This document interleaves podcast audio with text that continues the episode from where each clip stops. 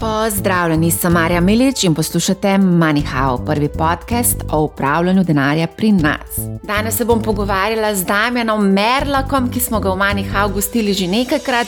Damjan je z več kot 180 milijoni evrov eden najbogatejših slovencev, oziroma najbogatejši milenijec pri nas. Bil je tudi eden zgodnih investitorjev v Bitcoin in je investitor samo uk, saj vlaga na borzo že od najstniških let. Dobrodošel nazaj, Damjan. Živa. Živijo.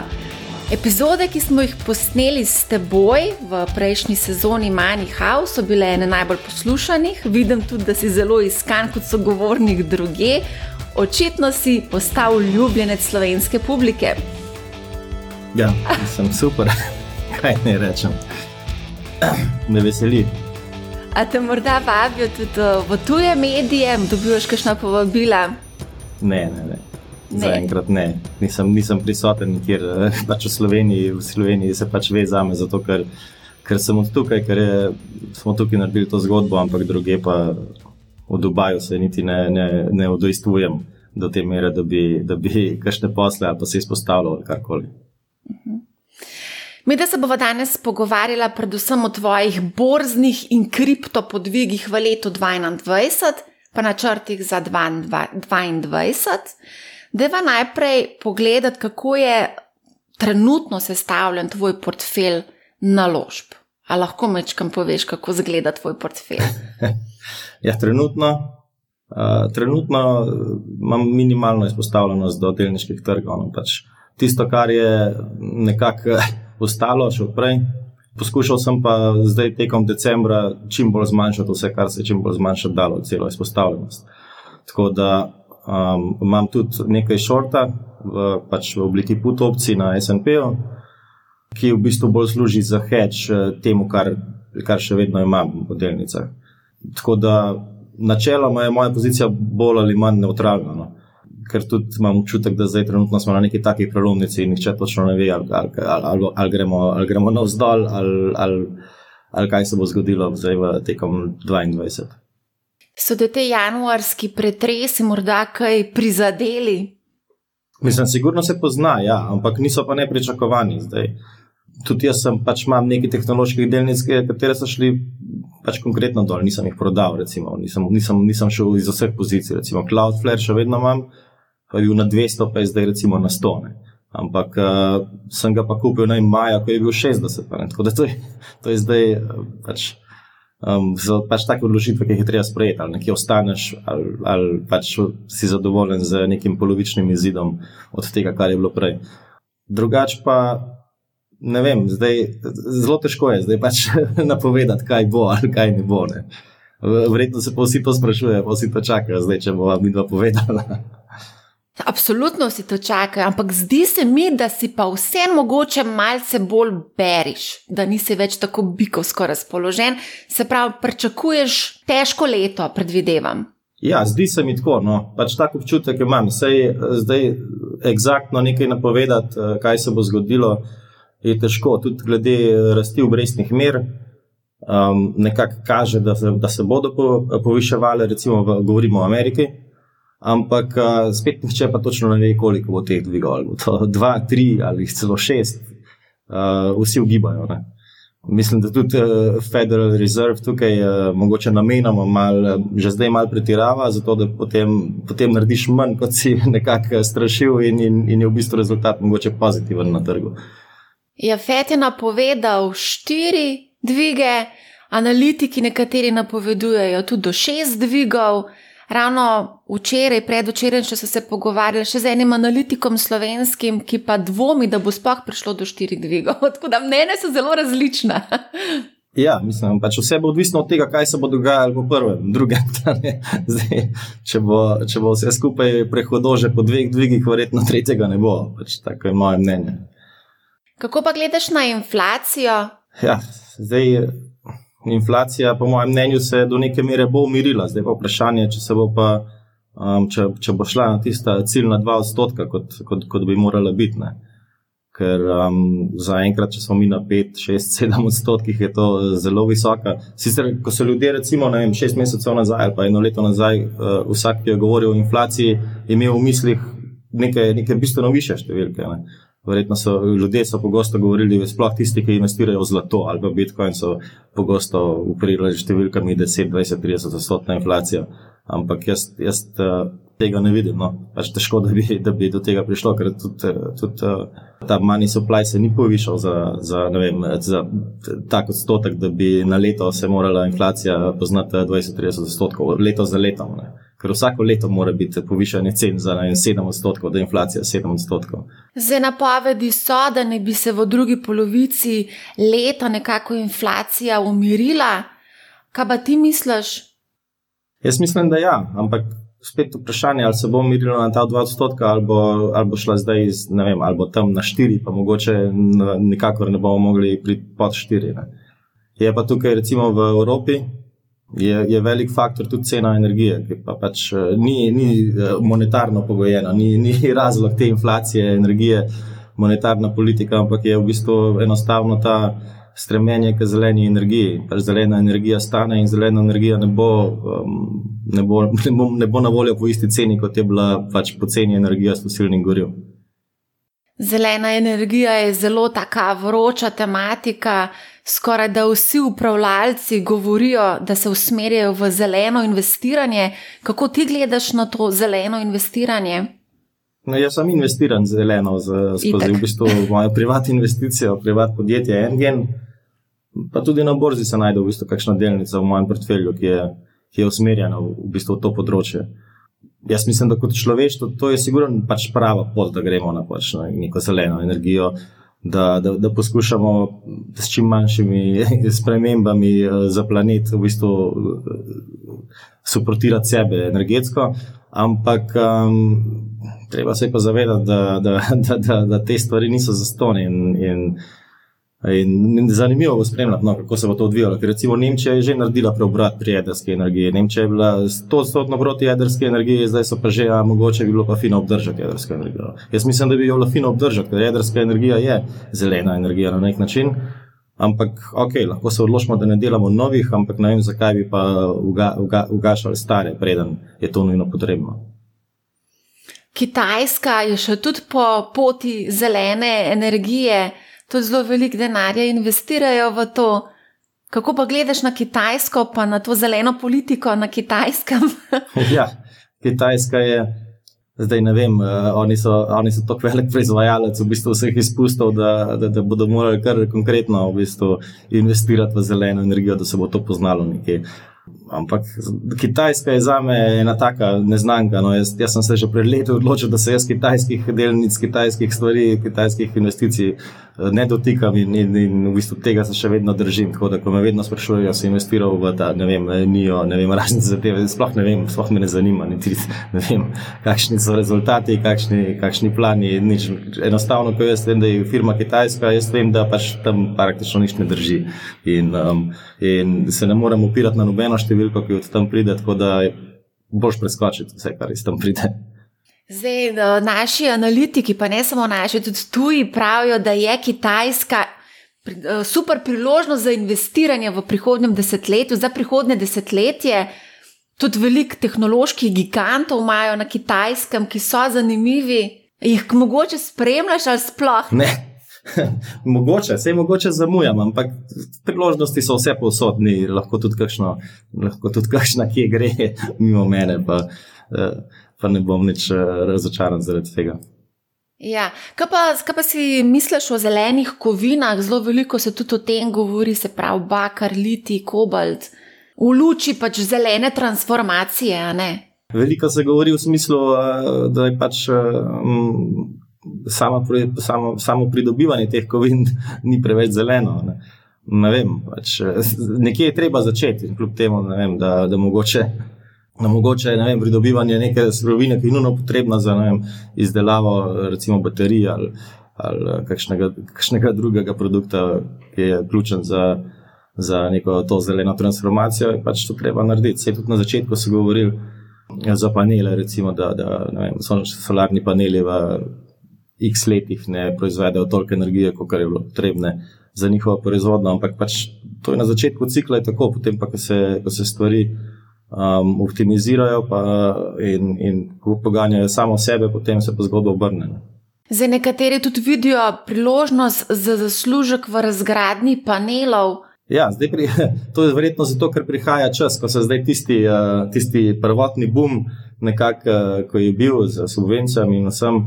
Um, zdaj prihaja čas, ko bodo te paneli počasi služeni in bo treba jih uh, nadomestiti in v bistvu iz, iz starih uh, narediti nove, kolikor se le da to reciklirati. Sicer zdaj se nisem nekoliko glavljal, kaj sploh pomeni reciklirati solarne panele, ali je to, ali je to sploh možno v, v neki veliki meri ali, ali določenih stvari, ker nekatere stvari je zelo težko reciklirati.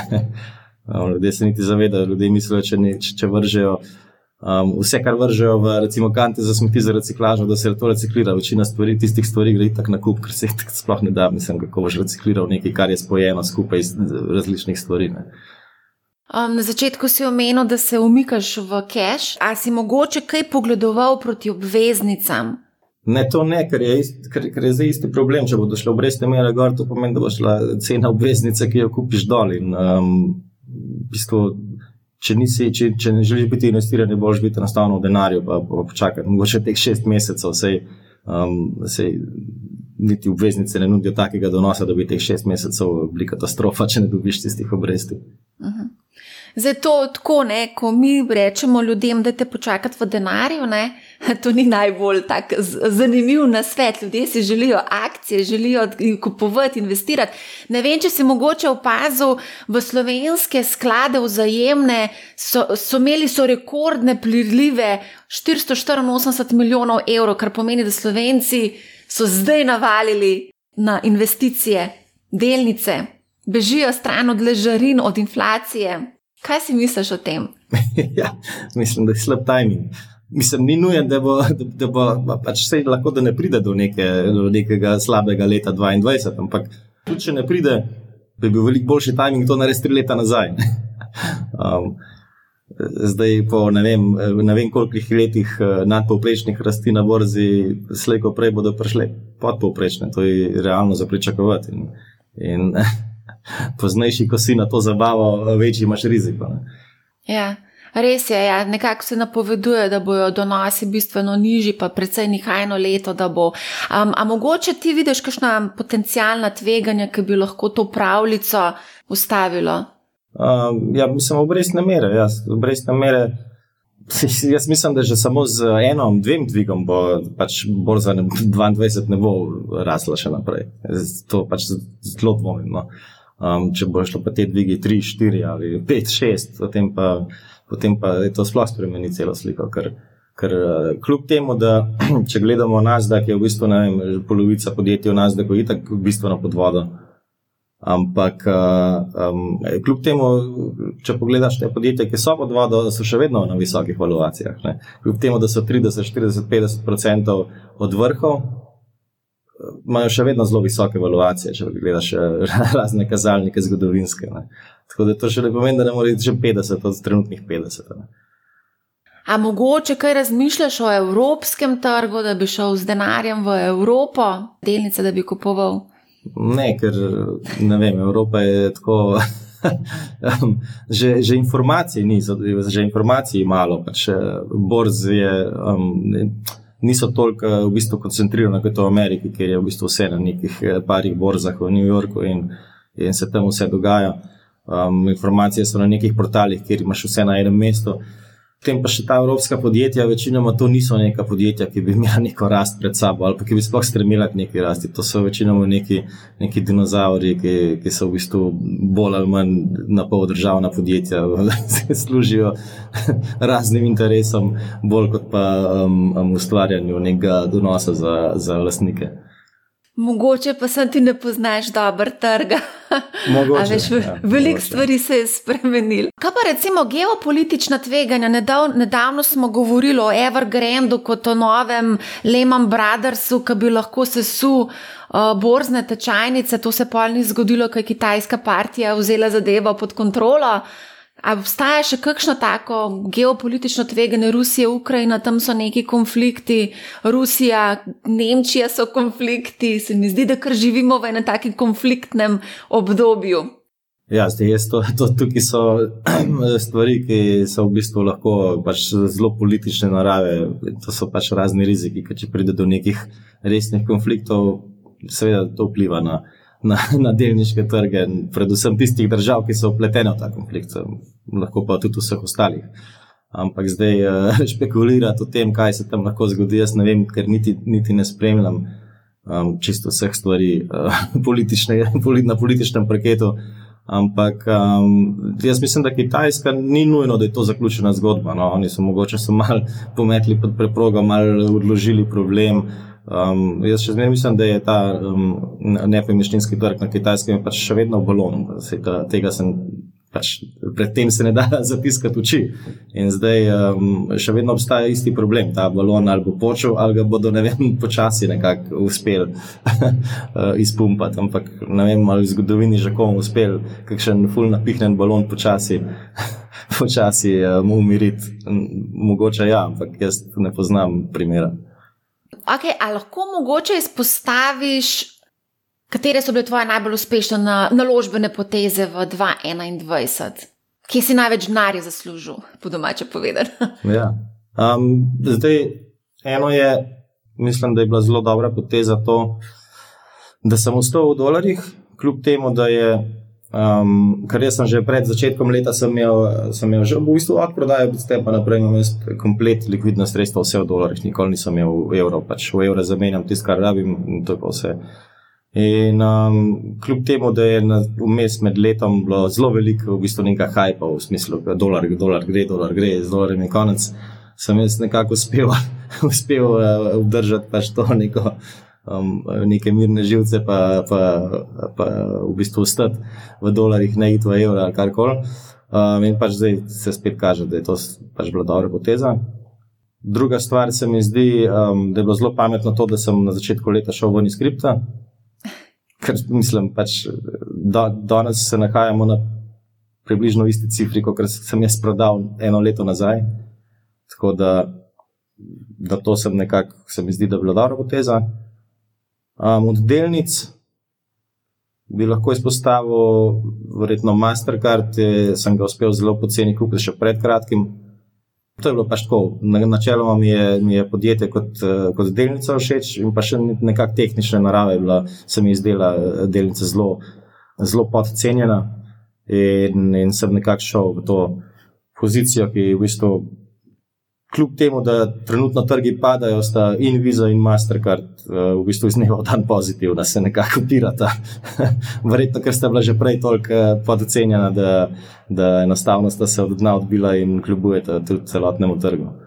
Tekom leta, recimo, prej sem omenil uh, Cloudflare, ki sem ga, ne vem, maja v tistem uh, tehnološki razprodaji, takrat maja, v bistvu kupoval po nekje po 60 dolarjev. In še potem na 200, jaz sicer nisem, uh, nisem šel ven iz pozicije, še vedno imam in je zdaj trenutno nekje na 100, ampak uh, še vedno zelo dober donos, če gledamo, da to niti eno leto še ni od takrat. To je to? Huh, ja, mislim, da je to res iz glave. Tukaj so si dal neke delnice. Ne vem, na moderni sem recimo naredil tudi precej. No. Ampak eh, to je pa moderna in zelo volatilna in je v bistvu zelo. Tam ni, eh, ni neke globoke, eh, globoke filozofije zadaj, ampak je čist, čist trade, pač večmesečni trade. Mi je uspel kar velik procent tam ujetno. Kaj pa psihadeliki, si šel mogoče v psihadelike? Ne. Ne, ok, vprašam. Um, kaj pa flopi oziroma kiksi? Ja, prej, ko sem jih omenila um, za, za, za to, sem šel malo pogledati in v bistvu, ja, zdaj, da bi enega izpostavil, tako da je res večji. Um, je v bistvu Beyond Meat. No. Pač Beyond Meat imam še vedno v portfelju in je moj, moj ne vem, average price mislim, da okrog 120, trenutno pa ne vem, 60, 70. Ampak zdaj, ni zdaj to neka ogromna pozicija, je pa, je pa ne, nekaj. No, pač. Tako da to je v bistvu največji kiks no, letošnjega leta. Ostali so pa pač taki, zdaj pač narediš trade. Noben, nobenega tazga kiksa ni, da bi zdaj izstopal. Ne. So pa pač eh, vedno, vedno zgubiš na nekih tradih, nikoli ne moreš 100% dobiti. A v Beyond Meatu boš ostal, ker se ti zdi zanimiva naložba? Zaenkrat ja, mislim, dolgoročno se, se tudi dolgo, to ni bil moj dolgoročni, zdaj preveč na kup, ampak um, sem se pač malo štev in sem pač ostal v tej poziciji zaenkrat. In zaenkrat ostajam, ja, ker slejko prej eh, pač pride neka stvar in se situacija obrne. In, in, in če ne drugega, bom takrat šel ven, mogoče na, na, na, na kupni ceni ali pa odvisno od takratne situacije. Uh, si morda investiral v kakšen ETF? ETF-ov, po pravici povedano, že dolgo nisem nobenega. Um, hotel sem se malo poigrati z, z Cathy Wood in uh, Ark Investom ampak eh, pač na, na short strani, ampak potem nisem in je itak šlo tako hitro dol, da nisem moj jaz. Pa se mi zdi, da je pa tudi že ni priložnost malo zamojena, tako da, da nisem šel v ta, ta posel. Je, kaj si pa misliš o Katie Wood, prvi dami aktivnega upravljanja iz Ark Invest? Ja, jaz mislim, da je pač meni pol stračajec eh, današnjega časa. Ne? Jaz mislim, da je vse ona je zelo dobra prodajalka, pa vse, vse, vse je v redu, ampak roko na srce je pač. Ona je pač naredila sklad um, z Hype Stocks in Hype Stocks so šle zelo gor na tem obdobju. Zdaj, da bi zdaj tukaj neko znanost odkrivali, um, ne vem, pač 10% Tesla in gre Tesla na 1000% gor. Vse, če v bistvu zelo, zelo zanimivo je, če, če pogledaš Ark Invest pa daš Tesla stran, je bil Ark Invest že zdavnaj negativen, ker v bistvu je samo Tesla je vlekla Ark Invest nad povprečno na vzgor. Zdaj, ko menjaš uh, pač te delnice, ki so fej strasle, kaj pa si misliš o velju, pa growth delnicah, to je večni fajt. Ti si bolj na growth delnicah, ne? Ja, na growth je več akcije, ne. na velju je pa pač bolj varna stran uh, borze. Tako da Mislim, imel sem tudi grodce več. Recimo, uh, prej sem pozabil, ko, ko sem imel vprašala za, za tiste um, zmagovalce. Um, mislim, zdaj ne vem, mislim, sem to je bilo skoraj sigurno v 21. Mislim, da sem kar precej Pepsija kupil na, na 130, mislim. Da. Ampak sem, pač, sem, sem šel isto ven, ker je bil pač bolj tehničen trade, ampak na 130, recimo, je bil Pepsi relativno poceni in potem se je se jaz vedno prezgodaj kupujem, potem še dva meseca gledam to delnico na 130, ampak nima veze, se počakam pol leta, um, da se situacija obrne. Tako da, evo, tukaj še eno, recimo. Ampak nisem bil pripričan, da je bilo to v letu 2020 ali 2021, ampak mislim, da je bilo 2021. Zdaj, ko omeniš, da delnico gledaš dva meseca, pa imaš oblikovano neko watchlisto?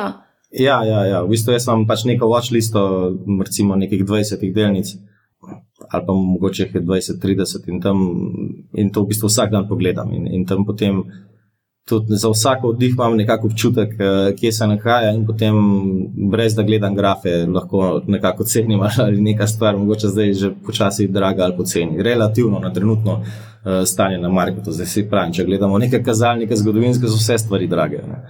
Ja. Um, Koliko pa imaš delnic v portfelju, približen? Trenutno, ne, ali trenutno mislim, Tako, da recimo, da reč v povprečju, da, recimo, da, da lahko shendlaš uh, te delnice. Oziroma, ja, opcije. Ja, tekom leta sem jih imel več, ampak zdaj, ko sem ma, v, te, v decembru kar počistil stvari, trenutno jih imam nekih pet. No. Hm. Jaz jih imam še zmer 50. ja. Nisem šla še ven, uh, kar čakam, pa čakam. Skratka, da sem še to. Kaj pa si misliš o tem, kar so prej govorili o Katie Wood, pa o, o vzajemnih skladih, pa na drugi strani ima ETF? -e? Kaj si misliš ta spopad večni tudi med pasivnim in aktivnim vlaganjem? Mi smo zdaj malo pogledali, kako so bili aktivni upravljalci uspešni in so kar precej zaostajali za glavnimi temi indeksi borznimi. Ti si bolj aktiven, ne? Jaz, jaz, pač jaz sem mnenja, da se da narediti donos boljši od, od samega indeksa. Ker pač drugače ne bi trgoval, drugače bi kupil indeks, če, bi, če ne bi bil tega mnenja. Ampak uh, se pa strinjam, da za večino ne. Pač, verjetno za 90% ljudi se strinjam, da verjetno ne bodo naredili donosa večjega od indeksa. Jaz zdaj ne vem, pač sebe, mogoče upravičeno, mogoče ne, štejem med tistih 10%, kako koli. Um, mogoče bo desetletje pokazalo, da sem se motil, pa bi lahko samo dal SMP, pa bil na istem ali na boljšem. Kdo ve, vnaprej nihče ne ve. Ampak. Uh, Zdaj tudi eh, težko je, v bistvu težko je soditi, um, ker recimo ta raztoči trg ne, zadnjega, recimo, desetletja je, je v bistvu voda na mlin uh, pasivnemu investiranju. Ne. Zdaj pa, če bi pa recimo bilo desetletje uh, sideways marketa, recimo, ali pa recimo, da se to letos začne, kar je realno, se to lahko zgodi, neko desetletje pride, pa da bo čez deset let SMP na isti vrednosti, kot je danes, si pa predstavljam, da bodo verjetno aktivni, aktivni um, v bistvu menedžerji v tem desetletju naredili nek donos, medtem ko SMP ga ne bo. Ja, se pod črto so Mogoče. potem Zdaj, pomembni, so tudi stroški. Ja. Spomem, pri aktivnem upravljanju imamo više stroške upravljanja in to v bistvu kar precej znižuje donosnosti in zelo, zelo težko dosegajo. No? Um, se morajo kar fajs namatrati, je pa seveda zdaj spet odvisno. Ne? Ok, a gremo pogledat um, IPO, a si mogoče bil kaj pozoren na IPO, imeli smo rekordno število IPO-jev, torej prve izdaje delnic. Mislim, ja, kot, kot zanimivost, kot neko spremljanje novic, nisem pa, nisem pa nobenega, v bistvu se dejansko prijavil instant zgodbe so. Zdaj, Coinbase, recimo, pač mi ni bil interesanten, ker, ker sem šel tako iz kripta in Coinbase je tako pač skoraj identično, kot da bi šel v kripto. Če gre kripto gor, bo šel Coinbase gor, če bo šel kripto dol, bo šel Coinbase dol, načeloma. Ni zdaj čisto korelacija 100%, ampak je pa kar močna. Uh, Robin Hood se mi zdi, da je, da je, da je zelo velik zagon dobo s tem, eh, s, s tem lockdownom. Ljudje so pač začeli gambljati doma, na mestu na športnih stavah, so začeli gambljati na borzi in, in Robin Hood je v bistvu bil tukaj zmagovalec, ampak zdaj pa, vem, zdaj pa, ko se to zaključuje, pa vprašanje, ali, bo, ali, ali bodo oni držali to maso teh strank, ali bodo ljudje enostavno zdaj, ko bodo izgubili te svoje stimulus čeke še ostali na borzi, pa mogoče še ustrajali. Pač jaz mislim, da večino, ko se bo pekla, bo enostavno odnehala. Speki so bili lansko leto tudi prava eksplozija. Smo imeli eksplozijo spekov namenske družbe, tudi recimo e-toro je bil v sklopu enega speka. Ne? Mogoče, a si kaj gledal speke? Mislim, spet, sem veliko novic je bilo, veliko eh, stvari sem prebral, veliko eh, tudi raznih eh, stvari, ki pač ne moreš verjeti, da se sploh zgodijo, pa vse. Ampak um, spet nisem pač v nobenega investiral. Je pa ne vem, pač te speki, ne vem, zakaj so zdaj postali tako popularni, ker ta stvar niti ni nova, ne, ta stvar že dolgo obstaja. Pač ta način, da se, da se dve družbi mržata za eno pač prazno družbo, ki se uvrsti na borzo. Ne vem. Sicer ne vem, kdo sploh uh, te stvari, v bistvu, kdo, kdo gembla na teh stvareh, ker jaz osebno niti ne poznam. Ne vem, če koga poznam, ki, ki, ki se je igral s speki um, v letu 2021. Kaj pa zdaj, ko govorimo o teh novotarjih, kaj pa metaverse, kakšno je tvoje mnenje o tem, da je to ena vroča zadeva? Tem smo zadnjič, ko smo imeli, ko smo imeli podcast, smo nekaj govorili in mislim, da je še vedno isto. Pač tehnologija je omejitev. Treba bo narediti, uh, treba bo imeti eh, veliko boljšo tehnologijo te eh, navidezne realnosti, da bo to nekako postalo tako. pač tehnologija, ki jo bo vsak, vsak, vsak dan mogoče uporabljal, ki bo nekaj, nekaj počel v tej virtualni realnosti. Um, Zaenkrat je pa to bolj obrobna zadeva. No. Um, Gremo se dotakniti še nepremičnin. Zdaj ti imaš kar nekaj nepremičnin po ta novem, ne? Zelo v Dubaju, v, ja, v Portorožju, v Dubaju, v Bohinu, menda da imaš so na Hrvaškem, sem za njih slišala. Ja, to je, to je nekaj ja, novega. Ta je zdaj, v 2021, nova. Ja. Um, kupil sem eno vilo na Hrvaškem, ne? tako da bom zdaj še tam. Kje pa na Hrvaškem? Uh, Lahko razkriješ. A, opatija. Ja. Super. A pa si mogoče razmišljal, da bi mogoče biti cnej prišlo, ne vem, če bi investiral v rejt sklade? Ja, ampak ne bi mogel živeti v skladu. to je razlika. Lahko pa um, najameš sobo v hotelu ali pa vilo ja, za ne vem, en mesec. Um, Kaj se naj, kot če jo kupaš, predvidevam. ja. Razen če imaš kakšno matematiko v zadju, v smislu, da oddajaš ne? v Portorožu, v Dubaju, v. Mislim, kombinacija je. Ja. Pač delno, de, delno bom uporabil zase, delno bom uh, oddal za turistične namene. Tako da pač skladi, pa ja, skladi so dobra opcija, ampak to je čist striktno investicija. Tukaj ni če, kup, če kupuješ nekaj zato, ker ti je všeč, pa zato, da boš tudi sam nekaj časa tam preživel, potem uh, sklad ni alternativa. Ne? Je pa lahko zanimiva naložba za malega vlagatelja, Ja, ki pa nima sigurno, pač ja. milijone ali pa Mislim, sto boljše jurjev. Kot pa, kot pa kupiti eh, nepremičnino, pa se sam z njo ukvarjati. To niti ni pasiven, ni pasiven dohodek potem. Ja, samo to se mi zdi, da ljudje kar ne razumejo. Ne, oni mislijo, da če kupiš neko stanovanje, ki ga oddaješ, da potem kar ustvarjaš pasivne prihodke. Ja. No, sej ljudje, mislim, sej lahko jih nekaj časa, ampak potem enkrat ugotoviš, da je pa treba zdaj veliko pozornosti, pa veliko vložiti v to stanovanje, da ga spet vrnemo v tisto prvotno stanje. Veš, kako se moraš ukvarjati z najemniki. Ja, vem, pa zakonodaja itak ni na tvoji strani, tako da to jaz, jaz bi se tega izognil, če se le da izogniti.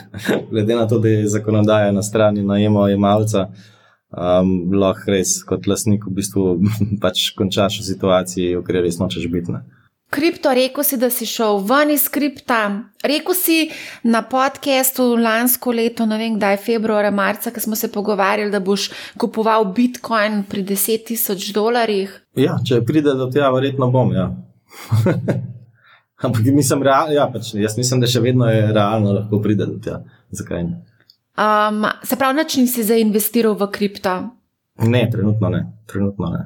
Na začetku leta sem šel ven in, in, in nisem nič še tekom leta, ker je tako ni bilo situacije. Potem je šel kripto še nekaj gor, sicer eh, tam tekom poletja je šel kar precej dol, mislim, da je bil Bitcoin okrog 30 tisoč, zelo pa 30 tisoč, mislim, da je na neki točki. Ampak to še ni bilo tisto, kar bi jaz v bistvu pričakoval, da bi, da bi se premislil pa šel nazaj. Ljudje so bili zelo razočarani nad tem, da si šel ven, tako malo so kar nehali verjeti vate. Ja, sej, ljudje, ljudi to nič ne stane, če grem jaz ven. Kaj pa, kaj pa drugi altcoini, si tukaj čekiral, a to sploh te zanima ali ne zanima? Niti ne, niti ne. ne. Ne, ker je preveč je poplave tega in preveč je njega šuma, da bi, da bi se jaz s tem ukvarjal in v bistvu pro- probal razbrati, kaj je, sploh, kaj je smiselno, kaj ne. Večino tega je itak, večino tega to je itak kazino, večino tega so neki skem artisti, pač ustvarjajo neke projekte zato, da poberajo nek denar. To se v bistvu dogaja od leta 2017, samo v različnih oblikah. Ja, da, ampak tle se obstaja, obstajajo neke strategije trgovanja z kriptovalutami in vsi te lahko imaš cel kup nekih brezplačnih delavnic, ki te naučijo, kako trgovati. Mogoče pa ti bi mogel sodelovati in take delavnice, da bi odkril. Sam treba se vprašati, zakaj je tisti človek, ko, ko ima to delavnico, zakaj on od vas želi, ne vem, 100 evrov, da vam pove, kako se trguje, če lahko sam za svoj račun ustvarja milijone z tem svojim znanjem. Kaj pa zdaj zadnja t- Tesla lahko zdaj kupimo z Dogecoinom? Ne vem, zakaj, ne vem zakaj, se, uh, zakaj se Elon ukvarja s tem, zakaj, zakaj v bistvu zapravlja čas in, in ne vem, pač neke meme coine v bistvu uporablja za, za nek hype ali ne vem kaj. Ali, ali za zabavo, se niti ne vem, kaj sploh, kaj sploh povodu sem v tem. Mogoče mu je mal dolg čas, ali pa hoče, Jaz ne vem, mogoče, spumpati. mogoče bolj kot ne to vse skupaj za malo za zabavo. Ja. Drugač pa je on investiral tudi v Dogecoin.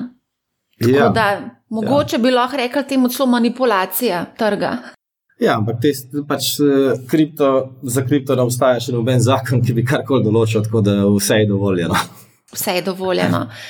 Um, drugače, zanj sem bila, uh, zanj, pred, novim letom sem bila na gimnaziji, ker sem predavala dijakom o osnovah osebnih financ, upravljanju denarja in največkrat so me vprašali za NFT-je.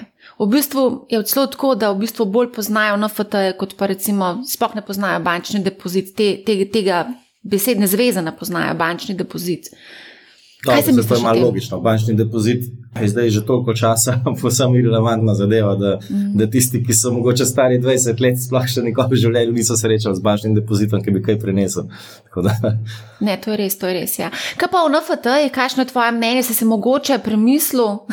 Številna podjetja zdaj vstopajo v ta teritorij, guruji investiranja tudi pravijo, da je tukaj en potencial.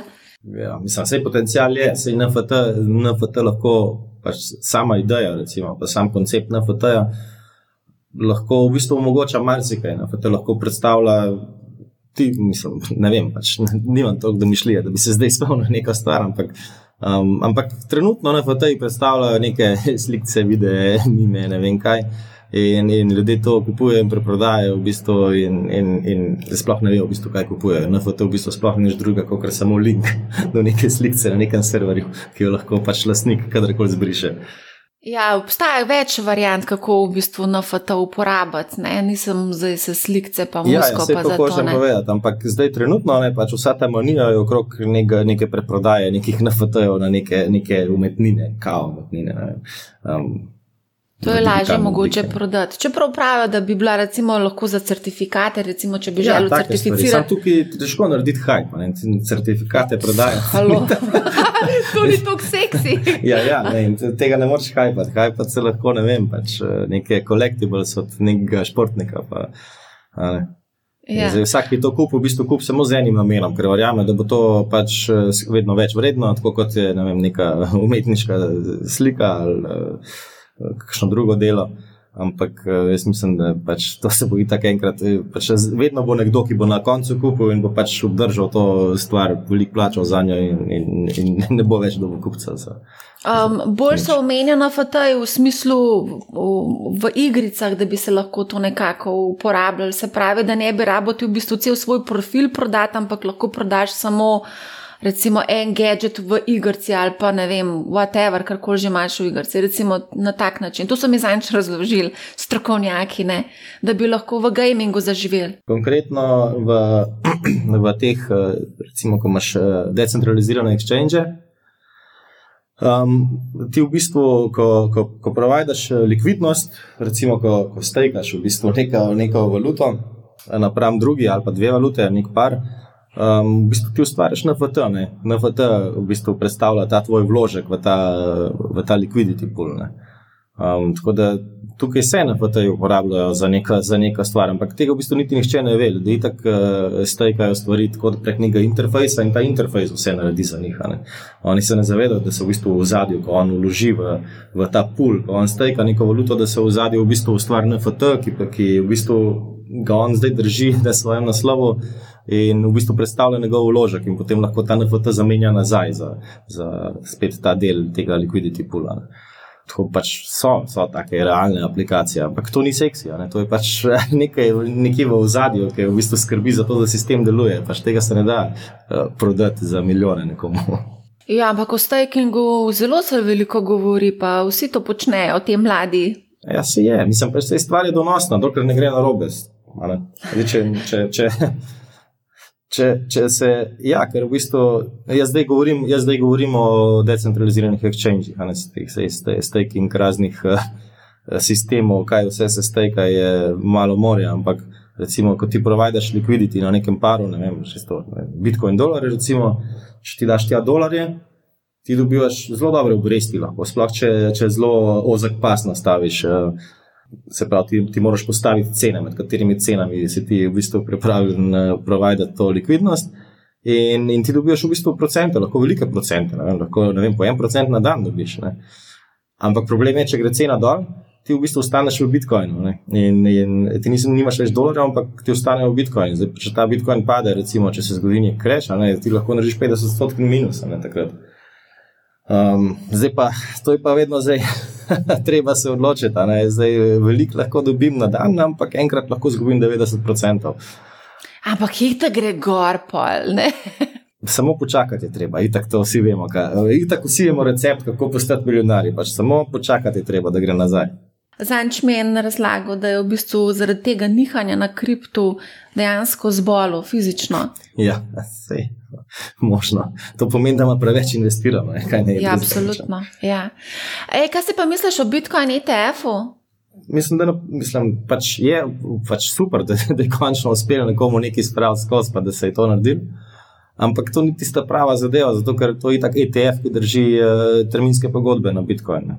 te terminske pogodbe v bistvu oni morajo iz meseca v mesec uh, ravnati v naslednji mesec. In vem, trenutno je to stane nekih 10, mislim, da je celo blizu 10 odstotkov letno je, je tega stroška. Ne. Tako da v bistvu 10 odstotkov letno ta ETF z, trenutno zgubi samo s tem, da vzdržuje te terminske pogodbe. To je kar precej drago. Ja, mislim, ne vidim razloga, zakaj, zakaj bi nekdo v bistvu kupil ta ETF, ne direktno kupil Bitcoin. Ja. Um, kaj si pa misliš o digitalnih valutah centralnih bank, Zdaj um, o digitalnem evru se tako že zelo dolgo časa govori. Na švedskem imamo e-krono, zdaj Kitajci imajo e-one. Kaj si misliš o tem? Ja, ne, ne veseli me to preveč. No? Ker uh, se mi zdi, da je to samo še en korak uh, k bolj restriktivnemu finančnemu sistemu. No? Že danes, recimo, če gledamo, kakšne omejitve vse obstajajo, kaj lahko narediš z gotovino, vem, na banko, dobiš neko nakazilo, eh, tisoč in eno vprašanje, odkje to izvira, kam to gre, zakaj ta denar, kako ta denar. In pač s temi digitalnimi verzijami teh uh, tradicionalnih valut bo to samo še slabše, ker bo samo še, še um, več opcij za nadzor, pa več opcij za, za v bistvu. Um, tudi ta početi stvari, ki, ki so danes nepredstavljive. Ne? Recimo, tako, da ti lahko vem, določiš uh, uh, rok, da pač določena valuta lahko poteče. Če ti vem, dobiš denar, pa če ga ne zapraviš v treh mesecih, zapade. Recimo, pač to je vse realno. Ne?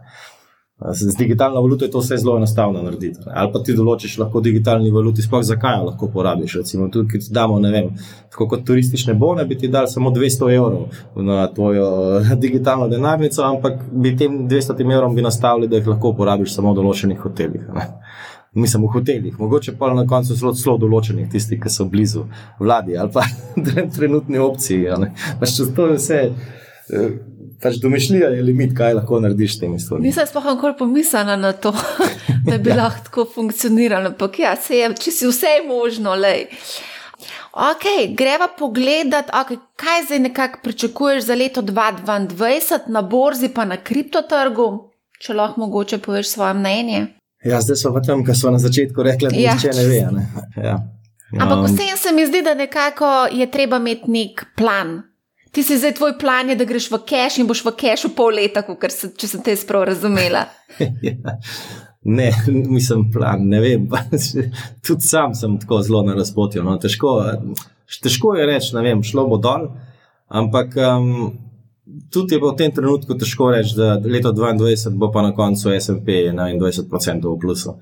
Mislim, definitivno je bila vsa leta do zdaj, recimo zadnjih desetletja, to bistveno lažje reči. No. Tako, pač tak občutek imam.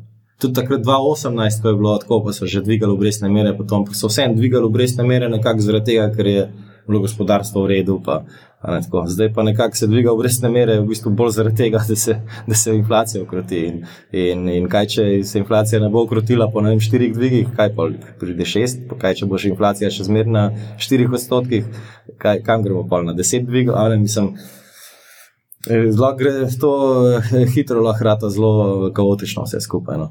Je ja, pa mogoče kakšne podjetniške ideje oziroma podvigi, zdaj imaš en gen, bohinjske hotele, imaš ne vem. Ja, težko je, težko je, ker je, ker je vse drago. Ne. Jaz v zadnjem letu sem si pač marsikatero stvar ogledal, marsikatera priložnost je šla do mene, sem jo preučil, ampak. Uh, Posledica tega money printinga in zdaj inflacije in, in vsega, kar se dogaja, je, je tudi to, da so, da so, da so vse nepremičnine, vse pač eh, privatna podjetja, vse se zdaj to prodaja po takih valuacijah, oziroma vsaj prodajalci pričakujejo take valuacije, da, da pač za kupca niso smiselne. Ampak vedno se pa, kljub temu se pa najde nek kupec, ki pa plača za to nepremičnino, recimo nesmiselno ceno, pa plača za ne mogoče privat podjetje neko nesmiselno ceno. Vedno, pač, predvsej ljudi je, ki so, ki so v tej krizi prišli do precej denarja. No. Tako imam jaz občutek. In, in predvsej ljudi je prišlo do precej denarja, kljub temu, da ne vejo, kaj dosti o tem, kako zdaj ta denar investirati. No. In, in to popač trg na, na vzgor.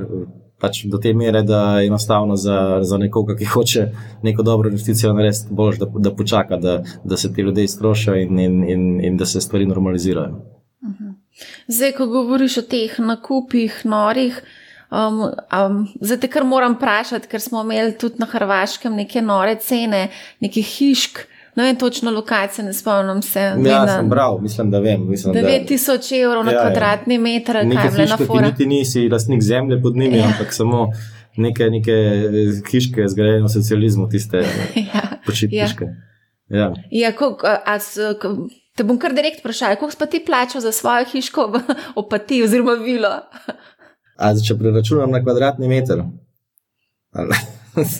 Pa te pa vprašala, koliko imaš kvadratov? Moram, v nek kontekst moram postaviti. Uh, se pravi, mislim, Ti kar povej cifra, pa bomo pa računali. Ja, okay, računajmo. 700 kvadratov vila, eh, 3,4 milijone, pa zraven je parcela z gradbenim dovoljenjem za še eno zgraditi. Se pravi, to v bistvu gledaš kot investicijo, ker boš verjetno gradil Ja, še eno. še drugo. Ja. Ti, a veš, da je moja prijateljica čisto isto naredila kot ti? Sicer ni kupila za 3 milijone, ampak je kupila za kar nekaj denarja. Ne? In tudi zraven parcelo, zato da bo zgradila. Čisto ista fora. Ja, mislim, tudi pač- kriptomilijonarkam jim grede. No, evo. ja, mislim, eh, dobiti nepremičnino ceneje, kot zgraditi na novo, je težko. Ne? ja, pa kar težko je bilo dobiti na Hrvaškem dobro nepremičnino. No? Ja, sej dobrih je posod malo, pač dobrih. Dobre, do, dobre, dobre so, so vedno iskane. no. Um, To je res. Ja. Je pa veliko, je pa veliko v svetu, na Hrvaškem, pri nas v Sloveniji, posod je pač veliko nekih nepremičnin, ki so mogoče sicer dobre, imajo dobro lokacijo, na vse, ampak so pač propadajoče um, in, in marsikdo niti ne vidi. Ne vidi potencijala v njih, in, tam so velike priložnosti. No. Sej, tako sem jaz tudi pač v Bohinju nekako začel. Ne. Pač z nekimi uh, objekti, ki sem jaz nekako videl potencijal, ampak če bi če, tako na prvi pogled, ko si pogledal tisto stvar, bi pa rekel, pa zakaj bi to kupil, pač to je neka stara hiša, propadajoča. Ampak um, treba imeti malo domišljije. Ej, ko govoriš zdaj o bohinjskih hotelih, vem, da si to kupil iz neke nostalgije. A, te mogoče, a so te mogoče starši vprašali, zakaj to kupuješ? Ne, ne. A nič se ne pogovarjate o tvojih naložbenih podvigih starši? Mislim, jaz mislim, da oni bolj stvari izvejo, potem, ko se že zgodijo. Ne, ne, ne razlagam preveč vnaprej, kaj razmišljam, pa kaj načrtujem. To v bistvu vse zase zadržiš in potem izvemo, Bolj kaj si vse tako, ja. naredil, pa koliko denarja si zaslužil in koliko si bil nasramen, da to nisi delil z nami. Ja. Ok, po mojem je to to. A smo vse povedali, a smo kaj povedali, kar še nisi povedal. Ej, ne vem, ker smo zdaj sva že, že toliko časa, da ne vem, kaj smo na začetku že govorili. Mislim, da je to to. Um, najlepša hvala, Damien, za izčrpne odgovore. Pripričana sem, da se bova še videla, a ne? Ja, sigurno. Razen, Če- če ne vem, ampak Ne, kar se se bova. mene tiče, ja. No, evo, odlično. Če imate kakršno koli vprašanje, mi pišete na marjafna businessspace.com, poslušajte Manihau, ne bo vam žal in lep pozdrav!